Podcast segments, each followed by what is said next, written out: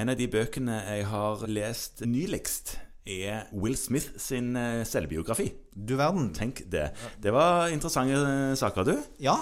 Mot slutten der så forteller han om en periode hvor han eh, skulle være helt isolert fra andre i eh, en uke eller to. Og på dag syv eller åtte Hadde så- ingenting med covid å gjøre, dette. Nei nei, nei, nei, nei, det hadde ikke det. Det var en sånn selvrealiseringssak. Ja. Og dag 28 der så følte han han utvikla trikotylomani. Altså han ble usedvanlig opptatt av fasongen på øyebrynhårene sine. Ja. Og nå var det ikke akkurat trikotylomani jeg hadde tenkt å snakke om, men noe annet plukkesykdom. Hudplukkingssykdom, Ja. som er noe annet. Ja. Men det må jo være beslekta.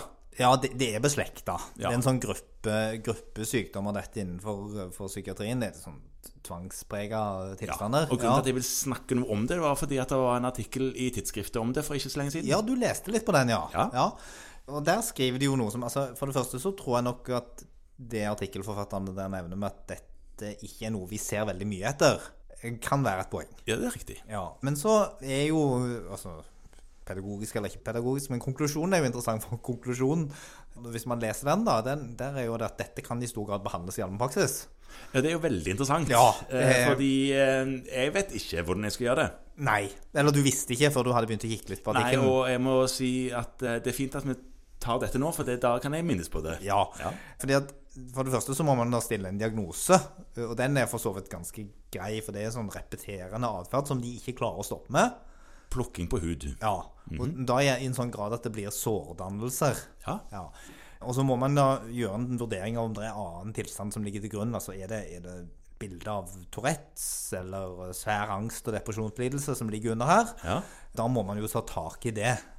ja da. ja da, ja I da. den grad man kan ta tak i Tourettes. Altså det Jeg må forstå det. Man må behandle det som eh, ligger Altså ta roten ved hårene. Ja. Men når det gjelder selve dette Skjønte du den? Ja, jeg skjønte det. Ja. Mm, ja.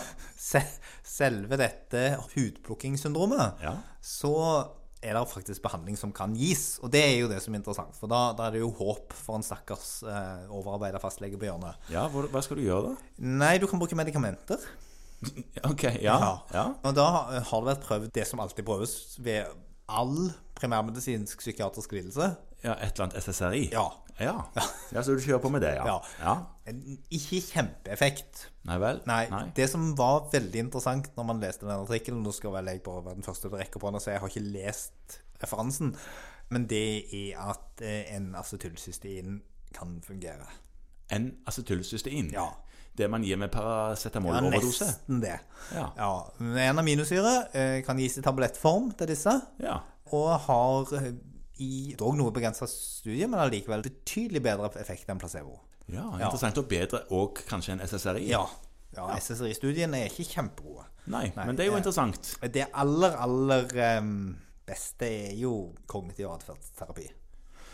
Ja, altså få folk til å forstå at eh, dette må en slutte med. Er det kognitiv Altså, atferdsterapi? Kjære kollega Munkvik, eh, enkelte du kjenner godt som driver mye med kognitiv atferdsterapi, vil vel bli litt grann lei seg nå. Undertegnede inkludert. Ja, mm, det- ja da. Så det Nei, var ikke en men- helt presis beskrivelse av Litt, litt folkelig beskrevet der. Ja. Men eh, poenget er at man kan drive på med katt. Ja, og det er nok kanskje det som har aller best effekt for dette. Det fins forskjellige sånne internettbaserte selvhjelpskurs, viser de til, og forskjellige ting som kan hjelpe. Jeg tror det nyttige er å begynne med å si at hvis dette oppleves som et problem, og det gjør det jo siden de har kommet til deg, Ja, ja. så fins det god hjelp for det. Ja, det er bra. Eh, Og det er alltid en god plass å begynne. Og så kan du gi dem medikamenter, og du kan gi dem forskjellige sånn selvhjelpskurs og internettkurs, mens du selv tar et kurs i kognitiv atferdsterapi, sånn at du blir skikka til å få gitt dem god hjelp Ja. med det som faktisk fungerer til Ja, for det, slutt. er litt, litt av poenget her er jo at det er en del skam knytta til disse lidelsene. Absolutt. Ja, sånn. at Hvis disse pasientene kommer til deg, og du kan si at eh, dette vet jeg litt om, og dette er det hjelp eh, for, så er, bare det er jo en veldig god start. Antageligvis en veldig god hjelp for pasienten, Mhm. og god prognose hvis du faktisk jobber med det. Men du, hvis du ikke kommer i mål, da? Da er du selvsagt velkommen til å henvise dette til et DPS eller lignende. Der er, der er god hjelp å få for det der òg, sånn at hvis det ikke hjelper for deg å ta det kurset, så skal jo pasienten henvises videre. Ja. Eller hvis de får tilbakefall av tilstanden, da kan det òg være lurt å henvise de til spesialisthelsetjenesten. Ok.